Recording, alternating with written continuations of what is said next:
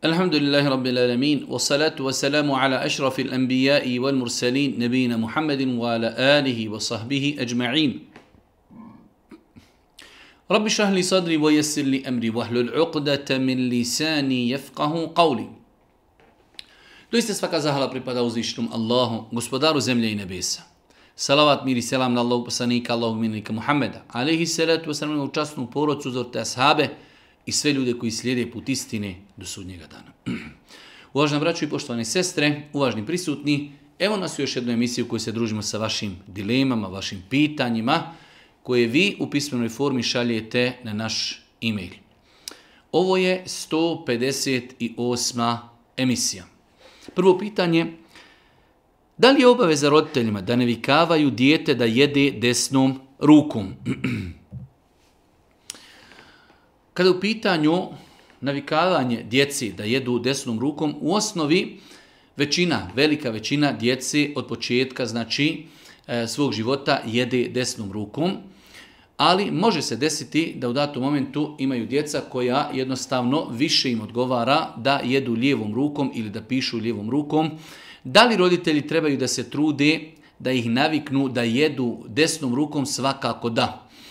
U datom momentu djeca, još dok nisu punoljetna, ona nisu griješna ako jedu lijevom rukom, ali je teško očekivati od omladinca u 15. godini da mu kažemo e hajde sada počni jesti desnom rukom, za razliku od malog djeteta, znači nekoliko puta dok napomenimo djete, ono će veoma lahko od malena naučiti ako ništa da jedi i da pije desnom rukom. Tako da, e, kao što roditelji trebaju navikavati djete na namaz pa i na post, djevojčice na hijab, isto tako pošto je znači sastavni dio islamskog montona da se jede i pije desnom rukom, ako vidimo da dijete je ljevak i da jede i pije lijevom rukom, treba ga blago, lijepo navikavati, upozoravati, savjetovati i znači u nekom kraćem periodu ako Bog da dijete će naučiti ako ništa da jede i pije desnom rukom, ako Bog da roditelj će biti nagrađeni zbog toga.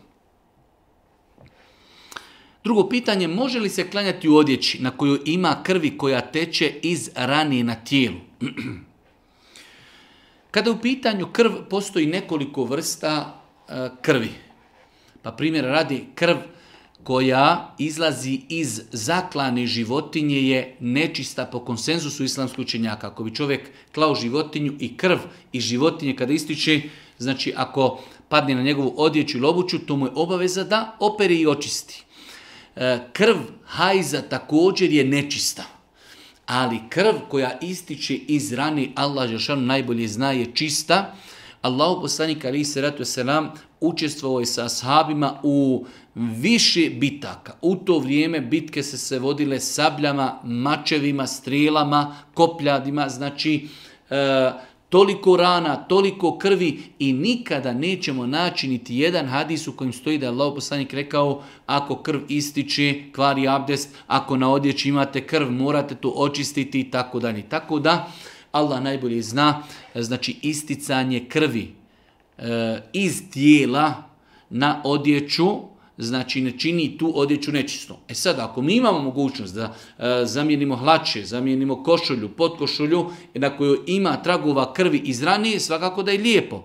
Ali pitanje da li je to obaveza, da li je krv nečista iz ranije, Allah ne bilje zna, krv iz ranije nije nečista. Koji su najbolji zikrov da se uče pred spavanjem? U sunet Božih poslanika, ali se leto selam, imamo e, nekoliko različitih dova i zikrova koji se mogu učiti prije spavanja. Ono što je potvrđeno i lijepo jeste da čovjek prije spavanja prouči ajetul kursi. Jer je došlo u vredostrom hadisu kada je e, Iblis obavijestio Ebu Hureyru, pa Ebu Hureyre je to spomenuo poslaniku, poslanik rekao da, istinu te kazao, da je rekao da onaj ko prouči ajetul kursi, znači e, da će biti zaštićen, sačuvan, sve dok ne osvani pa je lijepo, znači pred spavanjem proučiti ajetul kursi, lijepo i pohvalno proučiti dva posljednja ajeta suri El Beqara, Amen Rasulu, e, i tekako je lijepo i pohvalno isto za te hadise, e, za te ajete došli su posebni hadise da Allah poslanik Ali se leto selam kazao da onaj koji prouči prije spavanja da mu je to dovoljno. Postoji različita tumačenja šta znači dovoljno, ali uzet ćemo vajštinu ovog hadisa, poslanik kaže ko prouči ova dva ajeta, to mu je dovoljno. Lijepo je pred spavanje proučiti tri puta kul huvalla, kul euzu bi rabil fele, kul euzu bi rabil nas na sljedeći način. Znači čovjek će skupiti svoje ruke, proučiti kul huvalla, kul euzu bi rabil fele, kul euzu bi rabil nas. Svaku suru po jednom, pljucnuti u svoje ruke, pljucnuti bez pljuvaki, samo zrak i onda potrati koliko god čovjek može dohvatiti svoje tijelo. Tako urati tri puta. Znači jednom proučimo kul huvalla, قل أعوذ برب الفلق قل أعوذ برب الناس i pljucnemo nekoliko puta u svoje ruke i nakon toga potarimo glavu i ostale dijelove tijela, to ćemo ponoviti tri puta. To su tri, e, da kažemo, jednostavna, lijepa, izvjetno korisna zikra prilikom spavanja i prilikom odlaska na spavanje. Četvo pitanje, čuo sam da je prije intime potrebno proučiti bismilu. Da li je to tačno?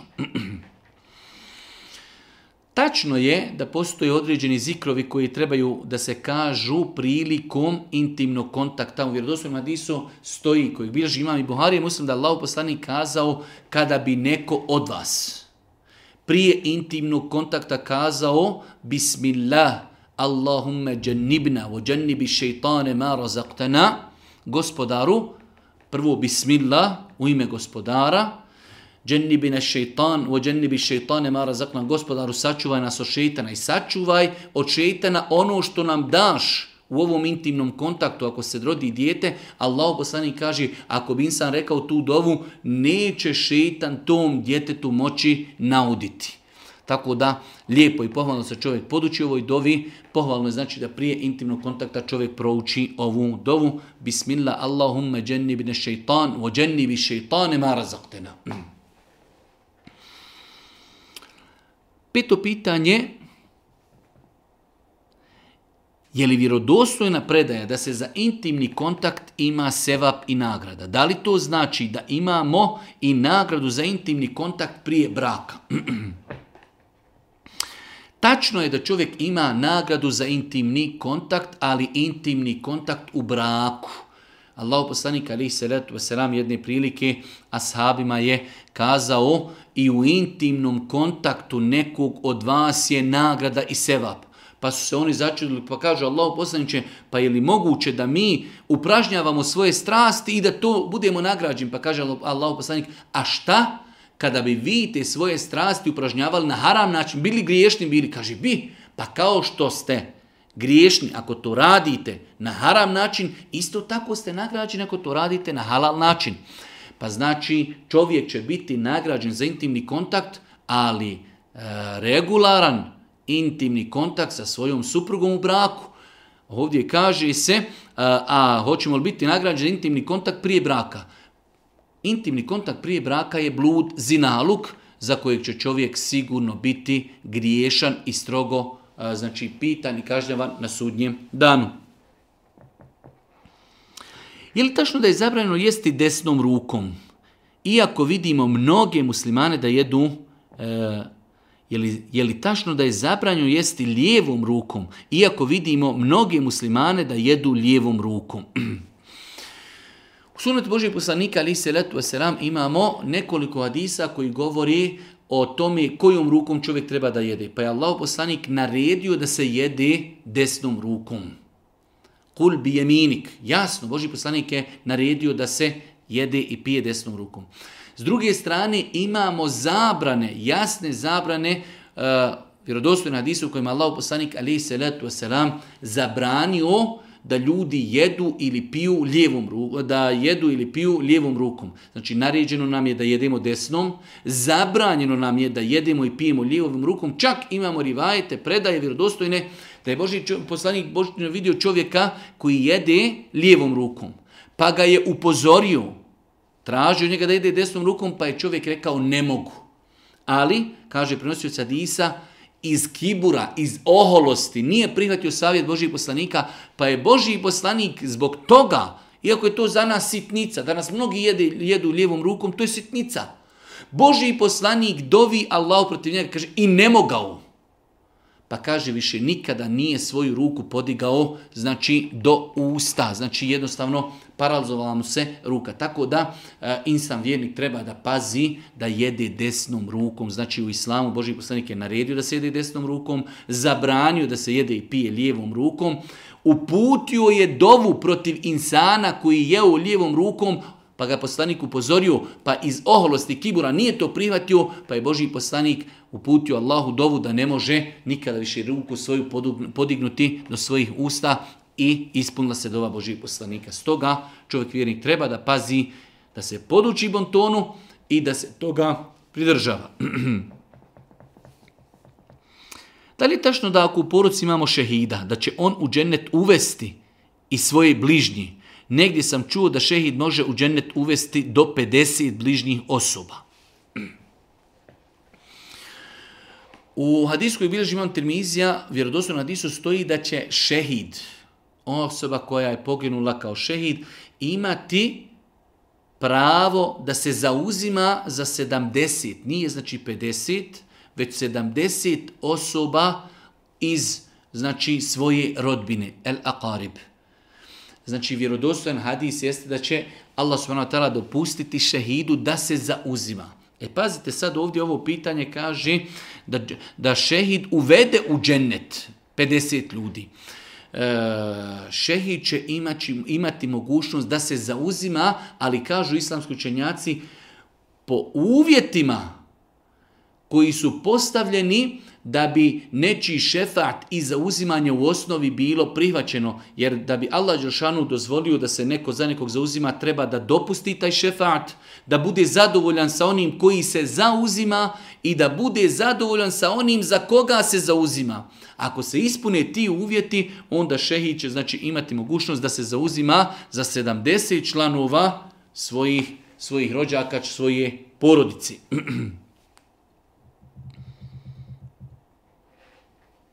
Od malena sam imao, išao u Mekteb, ali sam imao jedan period da mi Allah dragi oprosti u kojem me šetam prokleti odveo na pogrešan put. U tom periodu sam uradio tetovažu na lijevoj ruci i na njoj je lik lava i kanđi i tako dalje. Pitanje je da li mi je isprava namaz ako klanjam otkrivene tetovaži. U svakom slučaju, kada je u pitanju tetovaža, u islamu je strogo zabranjeno tetoviranje, zabranjeno je osobi koja se tetovira i zabranjeno je onome ko tetovira. Obje te osobe u hadisma Božeg poslanika su proklijete. I onaj ko tetovira, i on je proklit, i onaj koga tetovira, i on je proklit. E, da li se čovjek može od toga pokajati? Apsolutno se može pokajati. Da li je ispravan abdest ili gusul insana koji ima na nekom dijelu tijeli, tijela tetovažu? Jeste, ispravan je i gusul, ispravan je i abdest. Uh, Da li je čovjek obaveza da pokrije tetovažu prilikom a, a, namaza? Ne možemo kazati da je to obaveza, ali pogotovo ako se radi o liku, a, e, znači neč, neke i životinje ili žena ili muškarac, onda je definitivno mnogo, mnogo prioritetnije da čovjek u namazu, prilikom naklanja namaza, pokrije tetovažu, a u osnovi ta tetovaža nema inšala e, veze sa validnosti njegovog namaza, ali je ljepše i bolje da prilikom obavljanja namaza pokrijete to važu. Esselamu alaikum, da li nam je gusul ispravan? Ako u toku uzimanja gusula uradimo, znači mokrimo, uradimo malu nuždu. Osoba koja mokri u toku e, kupanja gusula, to nema nikakve veze sa, gusul, sa njenim gusulom. Njen gusul je ispravan, ali je e, neće imati abdest, nakon tog gusula. Jer mi smo kazali da osoba koja želi da ima abdest nakon gusula, šta treba da uradi? Prva stvar, ako je u pitanju džunup osoba. Treba da operi spolni organ, nakon toga da operi ruke, nakon toga da abdesti potpuno.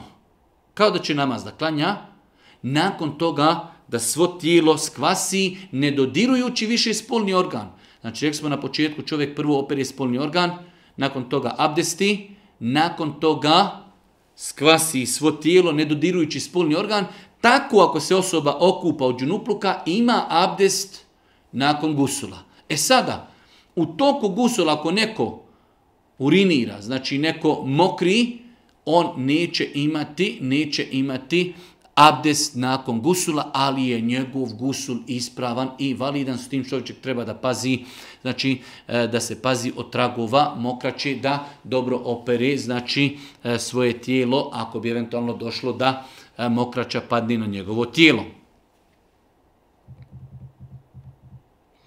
Esselamu alaikum, zanima me da li imam jednog džemata smije narediti da se u tom džematu samo po hanefijskom esebu klanja.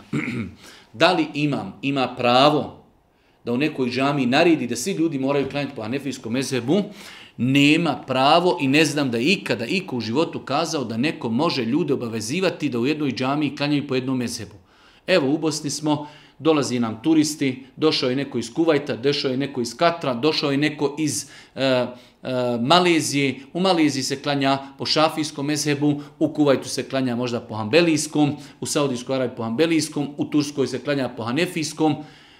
Po kojoj osnovi, zbog čega naređivati ljudima da klanjaju svi po istom mezhebu, a razlike u namazu su sitne. Razlika je u dizanju ruku, umicanju prsta na tešehodu, izgovaranje amin moramo se naučiti tolerisati međumezhebske, međumezhebske razlike i nema niko pravo da ljudima prijeti ako neko rekne amin na glas, istiraćemo ga iz džamije, preklinućemo namaz. E, znači u osnovi pitanje je da li taj insan, znači da li je počinio haram ko prekine, prekine namaz zato što je neko rekao amin. Čovjek ne smije prekidati namaz osim zbog validnog šerijetskog razloga. To što je neko rekao amin, nije validan širijetski razlog da bi neko prekinuo namaz, tako da odgovor na ovo pitanje nije dozvoljeno da neko nameći drugim ljudima koji su došli u određenu džamiju da moraju svi klanjati po istom mezhebu. Šta vi mislite o spavanju između ikindije i akšama? Nije mi poznato da postoji vjerodostojan dokaz koji zabranjuje da čovjek spava između ikindi i akšama. Postoji hadis kojeg su hadijski učenjaci čak ocijenuli e, apokrifnim, da čovjek ako zaspi između akšama i, i kindije pa se probudi kao da nije normalan, neka ne krivi nikoga osim sebe, takav hadis nije vjerodostojan i nije ga dozvoljno pripisivati Božijem poslaniku, tako da nema nikakve smetnje da čovjek odspava između ikindije i akšama. Koliko znam, zikr se poslije farza nam, zikri se poslije farz namaza. A kod podnje namaza idu sunneti, pa farzi, pa su sunneti. Da li je pogrešno mijenjati taj e, raspored kako bi farz bio na kraju, pa da zikrimo na kraju ili mogu između farza i sunsuneta zikriti? U svakom slučaju, ono što je bitno da čovjek vjernik zna da ako smo klanjali farze i nakon ti farza želimo klanjati kao što stoji sun sunnete, ali ispravno kazati sunnete koji se klanjaju poslije farza, treba rastaviti farze od sunneta zikrom. Znači, ako smo klanjali farze, I nakon tih farza, kao što je podni namaz, ili kao što je e, jacija, ili kao što je jad, a, akšam, ako imamo poslije farza, imamo, znači sunnete, onda ćemo poslije farza sazikriti i nakon toga klanjati te sunnete. Sunnete.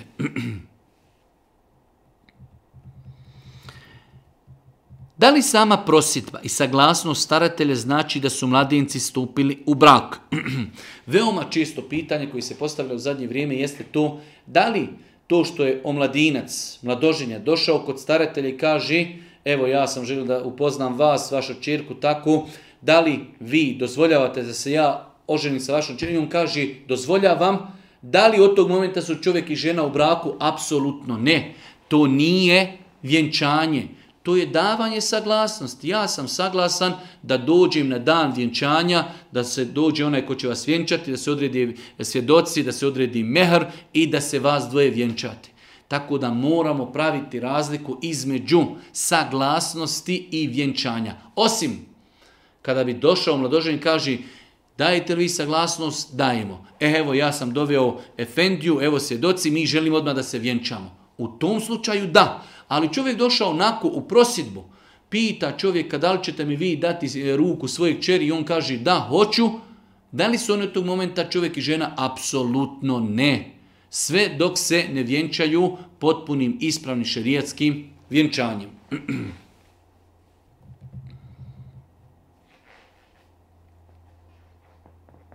Esselamu alaikum, imam jedno pitanje. Ako čovjek ne klanja redovno namaze, a vjeruje Allaha, klanja Bajram i Džumu, poneki namaz, da precizno kaže, moja supruga kaže da taj ne može ući u džennet nipošto. Je li to ispravno mišljenje? Znači čovjek i žena se prepiraju, pa žena kaže onaj ko ne klanja redovno ne može nipošto u džennet, a znači čovjek s druge strane vjeruju Allaha, ponekada klanja Bajram, ponekada Džumu, e, da li takav čovjek može ući u džennet? Prva stvar, ko će ući u džennet i ko neće je stvar gospodara Allaha subhanahu wa ta'ala. Ono što mi znamo na osnovu vjerodostojnih dokaza jeste da je ostavljanje namaza jedan od najvećih grijeha u islamu. Ali isto tako imamo vjerodostojni hadisa Boži Bostani kaže čije zadnje riječi budu la ilaha illallah ući će u džennet. Ko kaže la ilaha illallah, ne samo kao zadnje riječ, ko kaže la ilaha bude musliman, vjeruju Allaha, ući će u džennet. E može se desiti da čovjek u toku života ostavlja namaz, uradi velike grijehe, pa kada dođe na sudnji dan, da bude kažnjen u vatri, u džehennemu, određen verovanski period, nakon toga kada bude kažnjen dovoljno za grijehe koje je počinio, da na kraju završi u džennetu zbog svog monoteizma, zbog svoje vjere, zbog svojih riječi la ilaha illallah. Tako da ne treba se umarati, optrećavati time ovaj će u džennet, ovaj neće u džennet. Ono što treba jasno kazati da je ostavljanje namaza jedan od najvećih griha u islamu. Musliman mora klanjati pet dnevnih namaza u toku dana i noći. Ali isto tako, ako neko e, propusti neki namaz, ne smijemo se mi poigravati, zbog toga kažemo da neće nikada ući u džennet. Esselamu alaikum, da li je osoba koja umri od strane džina ima stepen šehida? Nije mi poznat argument na osnovu kojeg bi mogli kazati da insan koji je umro zbog uznemiravanja džina i šeitana crne magije da je na stepenu šehida. Nije mi poznat takav dokaz. Ono što bi mogli kazati u takvoj situaciji jeste da je dio učenjaka smatrao da osoba koja je ubijena nepravedno, da joj je učinjen zulum i tako ubijena, dio učenjaka je takvu osobu svrstavao da ona imaće na sudnjem danu nagradu šehida. U tom znači kontekstu, ako bi rekli onaj ko je e, ubijen ili umro zato što su ga džini šetanju uznemiravali kao plod crne magije, da mu je učinjena nepravda i zulum, pa da zbog toga dostigne stepen šehida, to bi, znači, po mišljenju određenog dijela učenjaka moglo proći. Ali da kažemo, ima hadis koji kaže onaj ko je e, umro, zbog uznemiravanja džina i šetana on ima stepen šehida, to mi nije poznato. Moje pitanje je vezano za bojenje kose za žene. Skoro sam počela primjećivati sjede, pa sam ih željela obojiti, ofarbati crnom kanom, jer je moja kosa po prirodi crna. I tako jedno veoma dugo pitanje. Pitanje je znači žena koja ima u osnovi crnu kosu. Kada počne da joj kosa pijeli, da li ona može da se farba u crno? Allahu poslanik ali se letu selam u godini kada je osvojena Mekka, doveli su mu Ebu Bekra. Arapi su ljudi crni, svi su Arapi crni. Ebu Bekra su doveli, Ebu Bekrovog oca su doveli koji je osjedio totalno, pa Boži poslanik kaže ofarbajte ga, obojite ga, uklonite te bijele dlake, ali nemojte koristiti crnu boju. Tako da znači jasan hadis da je Božji poslanik zabranio da se koristi prilikom farbanja, znači crna boja, to je znači propis koji se prvenstveno izrečen za muškarce, analogno muškarcima odnosi se i na žene, tako da i žene i muškarce prilikom farbanja ne treba da koristi crnu boju.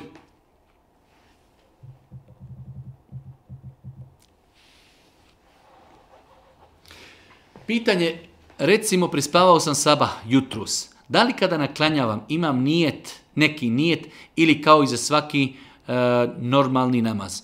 Osoba koja zaboravi namaz ili ga prespava, klanja će ga onda kada se sjeti i onda kada se probudi i ne treba se osvrtati kakav je to moj nijet, je li to naklanjavanje, nije to naklanjavanje, zaboravio sam ili sam prespavao ustao sam, sjetio sam se, abdestim i klanjam taj namaz kojeg sam zaboravio ili prespavao, ne osvrćući se uopće da li je to naklanjavanje, nije to naklanjavanje. Boži poslanik Ali Selam je prespavao sabah namaz, naredio ashabima da prouči ezan, klanjao sabah, nije uopće kazao, e sada vidite, moram ovo naklanjavati, ovo je neki poseban nijet, ništa. Čovjek, znači, donosi početni tekbir, klanja onaj namaz koji je odlučio da klanja i to je to.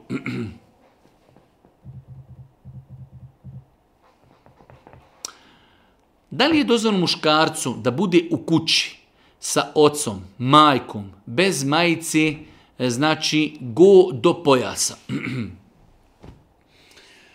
U svakom slučaju, muškarac punoljetan bi trebao maksimalno da se e, pazi i čuva, da se lijepo oblači pred svojim roditeljima ali ono što je obaveza da pokrije jeste period od, e, znači dio tijela od pupka do koljina. To je avret i to je obaveza, znači, e, muškarcu da pokrije pred svojim roditeljima. E sada, iz respekta, iz poštovanja, uvažavanja, da obučenku potkošu ili da obučenku majicu, to je sve nešto pohvalno i lijepo, ali ono što mora pokriti jeste, e, znači, dio tijela od pupka do koljina. Esselamu alaikum, od rođenja ne vidim na jedno oko. Obavljam namaz i zahvalan sam Allahu. Mada i ne znam za bolje, ali normalno funkcionišem. Imam posao u porodcu, elhamdulillah. Da li ću imati neku olakšicu na sudnjem danu zbog ovog nedostatka? Znači čovjek e, od samog rođenja ne vidi na jedno oko, pita da li će imati neku olakšicu, odnosno neku nagradu na sudnjem danu. E, to što je uzvišen Allah nekom je uskratio vid na jedno oko, definitivno je, da kažemo, mahana i definitivno je e, uskraćivanje e, jedne velike blagodati. Jer čovjek koji e, znači vidi samo na jedno oko, definitivno da ima e, pomanjkanje, da ima nedostatak, ne vidi s desne strane ili s lijeve strane i tako dalje. Tako da, ako se insan, inša Allah, eh, strpi na tom iskušenju, na tom usibetu, očekuje nagradu od uzvišnjog Allaha, definitivno, definitivno će biti, inša Allah, biznila nagrađen zbog toga. Možete li pojasniti da li je propisano i da li je od sumneta da se uradi sežda zahvali prilikom neke blagodati? e, u skoro pa svim knjigama hadijskih zbirki ili knjigama fika islamskog prava imamo poglavlje koji se zove e, suđudu šukr, za, sežda zahvali, u kojoj su islamski učenjaci govorili o ovom pitanju. E, u životopisu Božje poslanika, ali islam sam, nalazimo e, situacije da kada bi mu došla radosna vijeza, nešto krupno, nešto što nije svakidašnji, da bi Božji poslanik učinio zahvalu, znači učinio bi seždu zahvali. E, Tako da, na osnovu tih argumenta, dozvoljeno je insanu da kada mu se desi neka vandredna, lijepa stvar, da se čovjeku obavijesti da je, ne znam, nija e, uspjelo mu nešto, da je završio nešto, e, znači neke e, velike blagodati koje su mu se desile u životu, nema smetnje da čovjek, ne gledajući gdje je kibla, ne gledajući da li ima abdest, ne gledajući da li je pokriven, znači dovoljno, dozvoljno da čovjek padne na seždu, znači i da zikri, da zahvaljuje Allahu Đelšanu zbog te blagodati, e, tu je potvrđeno hadisima Božih poslanika, s druge strane tu je bila praksa i sami ashaba e, Kab ibn Malik, radijallahu ta'ala, znamo onaj njegov poznati događaj, e, kada nije išao sa Božim poslanikom u pohod na Tebuk, pa je nakon toga uzvišen Allah subhanahu wa ta'ala objavio ajete nakon 50 dana, nakon što su bili izolirani, bojkotovani od uh, medijinskog društva. Kada su objavljeni ajeti u kojima Allah Žešan objavio da je primljeno njegovo pokajanje, on je pao na seždu, znači zahvalio Allah Žešan, tako da e, insan kojim se desi određena nesvakidašnja blagodat, nema smjetnje, čak možemo kazati da je to sunet pohvalno i lijepo, da padne na seždu i da se zahvali uzvišenom Allahom. Možete li pojasniti da li je dozvoljno obrijati cijelu glavu i da li je dozvoljno obrijati samo jedan dio glavi? Znači dva pitanja u jednom pitanju. Da li je muslimanima dozvoljno obrijati cijelu glavu? Da. Če znači, Allah poslanik Ali se razvam prilikom odlaska na hađ, na umru, brijao je glavu. Tako da obrijati glavu tokom umri hađa i mimo toga je dozvoljeno. Da li je dozvoljeno obrijati samo jedan dio glavi? Ne. To je Boži poslanik Ali Selatu Selam zabranio kada bi vidio, znalo se desiti da Boži poslanik vidi da su nekom djetetu obrijali dio glavi, dio ostavili, pa je Boži poslanik kazao ili obrijte svu glavu ili ostavite svu glavu. Tako da, znači čovjeku vjerniku je dozvoljno obrijati svu glavu, nije dozvoljno obrijati dio glavi na bilo kojem dijelu, znači glavi, da čovjek obrije dio glavi, a ostali dio kosi da ostavi, to je zabranjeno u vjerodostojnim hadisima.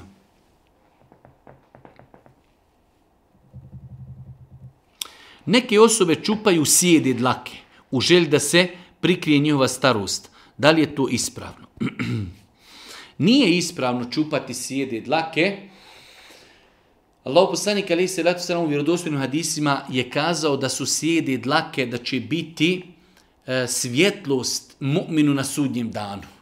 Znači te dlake e, čovjek je osjedio u islamu, sekirancija, brige, Te dlake će biti svjetlost na sudnjem danu, pa zašto čupati te dlake e, i čupati to što će biti neki dokaz naš i svjetlo na sudnjem danu. Tako da čupanje sjedi tlaka je zabranjeno u vjerodostojnim hadisima Allahog poslanika, ali se vam sada učenjaci e, se raspravljaju u pogledu toga da li iz te zabranje proizvila zi da je to haram ili je pokuđeno, uh, ali ono što možemo sigurno tvrti jeste da je Boži poslanik u vjerodostojnim hadisima to zabranio i vjernik muslim to ne bi trebao činiti. Primijetno je da mnoge džematlije pretiču imama prilikom odlaska na seđdu. Kakav je propis toga? Preticati imama u namazu u bilo, kojim, e, u bilo kojoj radnji je strogo, strogo zabranjeno. Čovjek na taj način dovodi u pitanje validnost i ispravnost svoga namaza.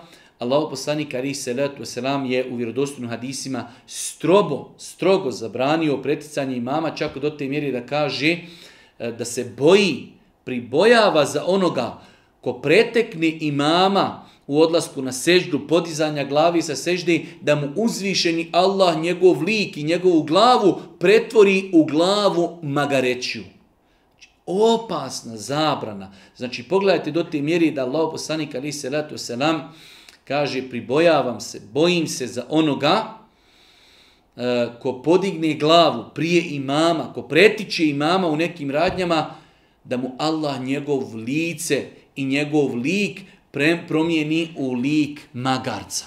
Tako da vjernik treba da pazi ono što je nama u namazu nariženo jeste slijedženje imama ne smijemo ga preticati, a ne trebamo mnogo ni kasniti, već slijediti imama. Kada imam odje na seždu, mi idemo za njim, kada se vrati sa seždi, mi slijedimo imama u povratku i tako dalje. U ratu sam izgubio nogu, nosim protezu, da li prilikom abdesta treba da perim stopalo od protezi? Znači, imamo dosta ljudi koji imaju proteze, da li su u pitanju proteze na nogama ili rukama, da li takve osobe prilikom abdesta moraju prati protezu, tačno je da ako ta proteza je totalno zamijenila dio kojih smo mi morali prati, primjer radi ako je čovjeku amputirana noga od koljena, nema on potrebe da pere plastičnu protezu. Ali ako bi rekli da čovjek ima protezu, ali ima i dio e, tijela kojeg je obaveza oprati, onda taj dio tijela je obaveza. Primjer, kada bi kazali čovjek ima protezu ruke, ali ima pola ruke, znači podlaktice pola i nakon toga dolazi proteza, da li čovjek mora taj gornji dio ruke oprati? Da. Ali samu protezu ne mora prati. Tako da insano koje je noga amputirana od koljena, nema potrebe da pere da pere znači protezu, ali ako bi rekli da čovjek ima stopalo, ima primjer radi e, petu, ali nema vrh prstju, pa ima neku protezu koju stavlja, znači kako je možda mogao nositi obuću ili nešto, onda onaj dio koji ima tijela, njega je obaveza oprati. Dalje ako zaradim imetak na halal način, mogu da ga trošim kako hoću. Osoba koja zaradi imetak na halal način, dozvoljeno joj da troši imetak samo na halal način. U islamu, kada je u pitanju imetak, čovjek će biti pitan i odgovaraće za dva pitanja kako je imetak sticao kod njega, kako ga je zarađivao, kako ga je sticao i gdje ga je trošio. Ne može čovjek kazati, ja sam ovo zaradio, trgujem, e sada ću kupiti duhan, sada ću kupiti alkohol, daću to u kladioncu. Apsolutno ne. Bićemo pitanje kako smo zarađivali imetak, ali isto tako gdje smo ga trošili. 27. Znači, pitanje, ako prisustujemo nečoj smrti, da li nam je dozvoljno da osobu koja je na samrti postičemo da izgovori šehadet, kako mu to bile posljednje riječi? Imam vjerodostojni hadise da Allah poslanik Ali Sarom kazao da ona osoba kojoj zadnje riječi budu la ilah ilah da će ući u džennet. Samim time, logično je i pohvalno i lijepo da ljudi kada neko vidi da umire, da mu lijepo i na blag način kažu reci la ilaha illallah. Izgovori te riječi da postigneš ovu veliku nagradu jer Boži poslanik kaže kom je zadnje riječi budu la ilaha illallah uče u džennet. Čak imaju redostojim da hadis da Allah poslanik kaže lekinu me utakum. Šehadeten la ilaha illallah. Lekinu, kažite im, napomenite ljude koji su na samrtnoj postelji, neki izgovori la ilaha illallah, ne bi li to bila njihove zadnje riječi. Tako da, postoji sad, pojašnjenje islamskih učenjaka da insan ako je ljut, ako je srdit eh, na samrtnoj postelji, treba paziti na koji način ga posticati, ali blago, lijepo. Čak, kažu islamski učenjaci, lijepo je da čovjek u prisustvu osobe koja umire zikri naglas. Kako bi njega to asocirilo, kaže čovjek, zdrav, a neko umire, on pored njega govori La ilaha illallah, la ilaha illallah. Da ga na taj način uh, asocira, aludira da i on kaže te riječi. Pa znači, propisano je, lijepo je i pohvalno da kada vidimo da neko umire, da ga postavimo, kajmo, reci, brate, sestro, reci, la ilah, ilah, izgovori šehadet, neka to budu tvoje zadnje riječi. Dvac je to smo pitanje, ako sam zapostio na filu, a neko me pozove na gozbu, na svadbu, da li da se odazovem i da li da prekinem post? Hrvim. Generalno gledajući ako insan posti na filu, ima čovjek u toku dana pravo da prekine post kada god želi. Svakako da je pohvalno i lijepo ako smo već zapostili da taj ibadet i završimo. Ali je to dobrovoljni post. S druge strane imamo hadise gdje Boži poslanik naređuje i preporučuje ako nas neko pozove na gozbu da se odazovemo. E sada, imamo s jedne strane hadise da se trebamo odazvati, imamo s druge strane hadise da postimo. Insan ako bude pozvan na gozbu, može odabrati da se odazove i da kaže ljudima, ljudi, izvinite, stvarno postim, ali došao sam i da uputi Allahu dovu za njih i za njihovu gozbu. Ako se boji da će to povrijediti ljude, onda nema nikakve smetnje da dođe i da prekine svoj post, znači jednostavno da se odazove, da ispuni znači eh, hadise u kojima se naređuje to da čovjek se odazove, ako bi to moglo, da kažemo, poremetiti ljude, ako bi se mogli zbog toga rastu došao, ne jede, da su u nezgodnoj situaciji, onda u ime Allaha, znači Allah zna njegovu namjeru, zna njegov nijet, da je volio da to isposti do kraja, ali želeći da znači ne narušava njihovu harmoniju, nema smetni da čovjek prekine post. Ovo govorimo o dobrovoljnom postu. Ako se radilo o obaveznom postu, čovječe, znači kazati ako je u pitanju žena koja napašta farz ili čovjek napašta farz ili u toku Ramazana, onda čovjek će lijepo na blag način kazati izvinite da nas postim, ne mogu, ne mogu ništa jesti, mogu doći, mogu prisutati, mogu proučiti za vas dovu.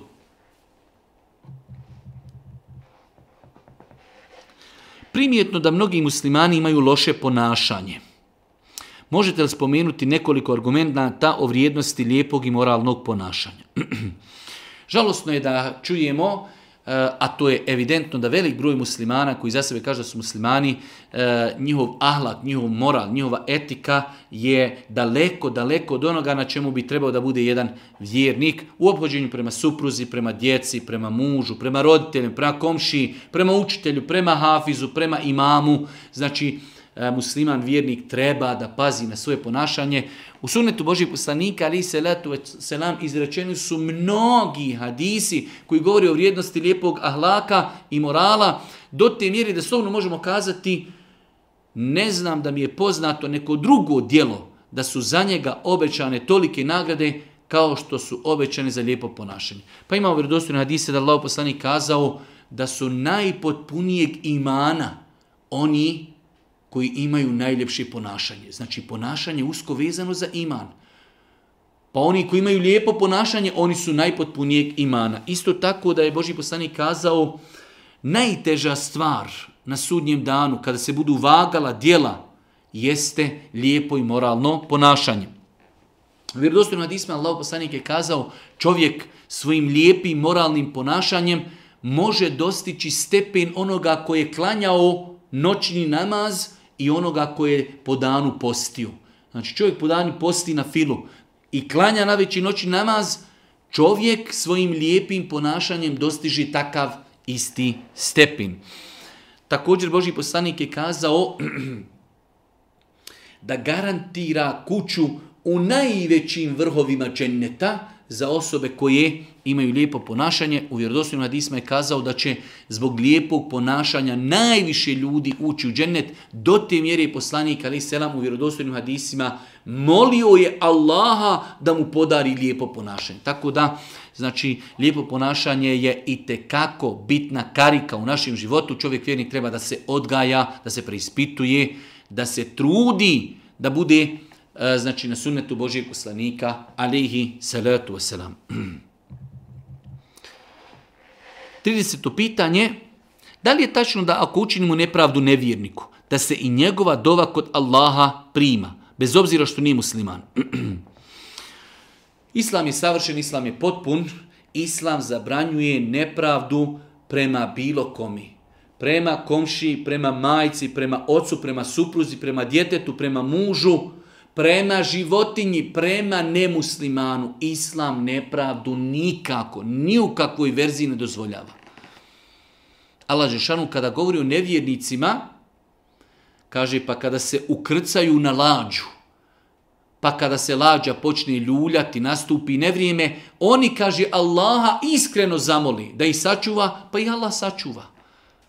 I u ovakvim situacijama, kada neko nanese zulum i nepravdu nevjerniku, Pa on iskreno zamoli Allaha, gospodaru, kazni tog i tog jer mi je uzeo pravo, čini mi nepravdu, očekivati je da se Allah Đelšanu odazove, odazove e, njegovim dovama, tako da insan musliman, znači treba da se pazi da ne čini nikome nepravdu, niti nevjernicima, a da ne govorimo s druge strane, kako je to ružno, kako ostavlja negativnog traga na insana koji mi svojim ponašanjem trebamo pokazati islam u najljepšoj verziji, pa da, da razmisli sutra nekada postani musliman, kako će postati musliman ako vidi da mu muslimani čine nepravdu.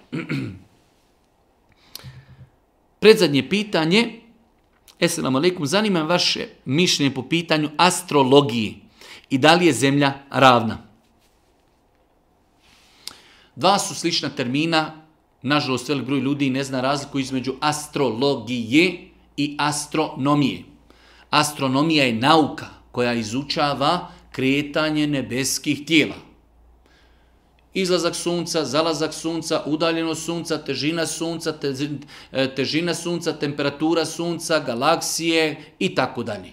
Nauka koja govori o nebeskim tijelima. Astrologija, astrologija nije nauka. Astrologija je pokušaj povezivanja, kretanja planeta i uticaj toga na ljudsko ponašanje, na njegovu sudbinu i na njegovo raspoloženje. To je u islamu astrologija, ne astronomija. Muslimani su od samog početka islama mnogo pažnje posvećivali astronomiji. A islam strogo zabranjuje astrologiju, vjerovanje, vjerovanje, da kretanje i uticaj planeta, raspored njihov, ima traga na nas, naš život, naše raspoloženje, našu nafaku, naš e, život dok ćemo živjeti, to je strogo, strogo haram. Islam to strogo zabranjuje.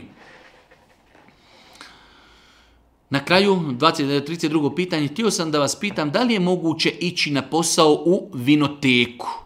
Ja samo etikete lijepim na boce, ne diram vino. Osoba koja lijepi etikete na boce vina, da li je njim posao dozvoljen? Svakako da nije dozvoljen njen posao, Allah poslanik je prokleo deset osoba vezanih za vino, što nam ukazuje nije proklet samo onaj ko je popio i onaj ko je iscijedio. I onaj ko donosi, i onaj ko odnosi, znači svi ljudi koji su u lancu promovisanja, proizvodnje vina su prokljeti. Mi ne kažemo za osobu koja bi lijepila naljepnice da je prokljeta. Ali da li naljepnica utječe na promovisanje alkohola? Apsolutno da. Mi smo ti koji stavljaju naljepnicu koju će ljudi vidjeti, pročitati i na osnovu toga kupiti to vino. Pa smo mi bili neko ko afirmiše vino. Allah Žešan kaže u Koranu jedan od najsveobuhvatnijih ajeta وتعاونوا على البر والتقوى ولا تعاونوا على الاثم والعدوان potpomažite se u dobru potpomažite se u sevapima a nemojte se potpomagati u grijehu i neprijateljstvu alkohol je grijeh mi kada lijepimo etikete na flaše definitivno mi promovišemo i reklamiramo alkohol samim time je zabranjeno vjerniku da radi na takvom mjestu Allah subhanahu wa ta'ala molimo da nam podari korisno znanje da sačuva na sudnjem danu i da nam bude milostiv nama i našim roditeljima i na kraju subhaneke Allahumma bihamdike ešhedu in la ilaha illa anta astaghfiruke e, tubu ilejk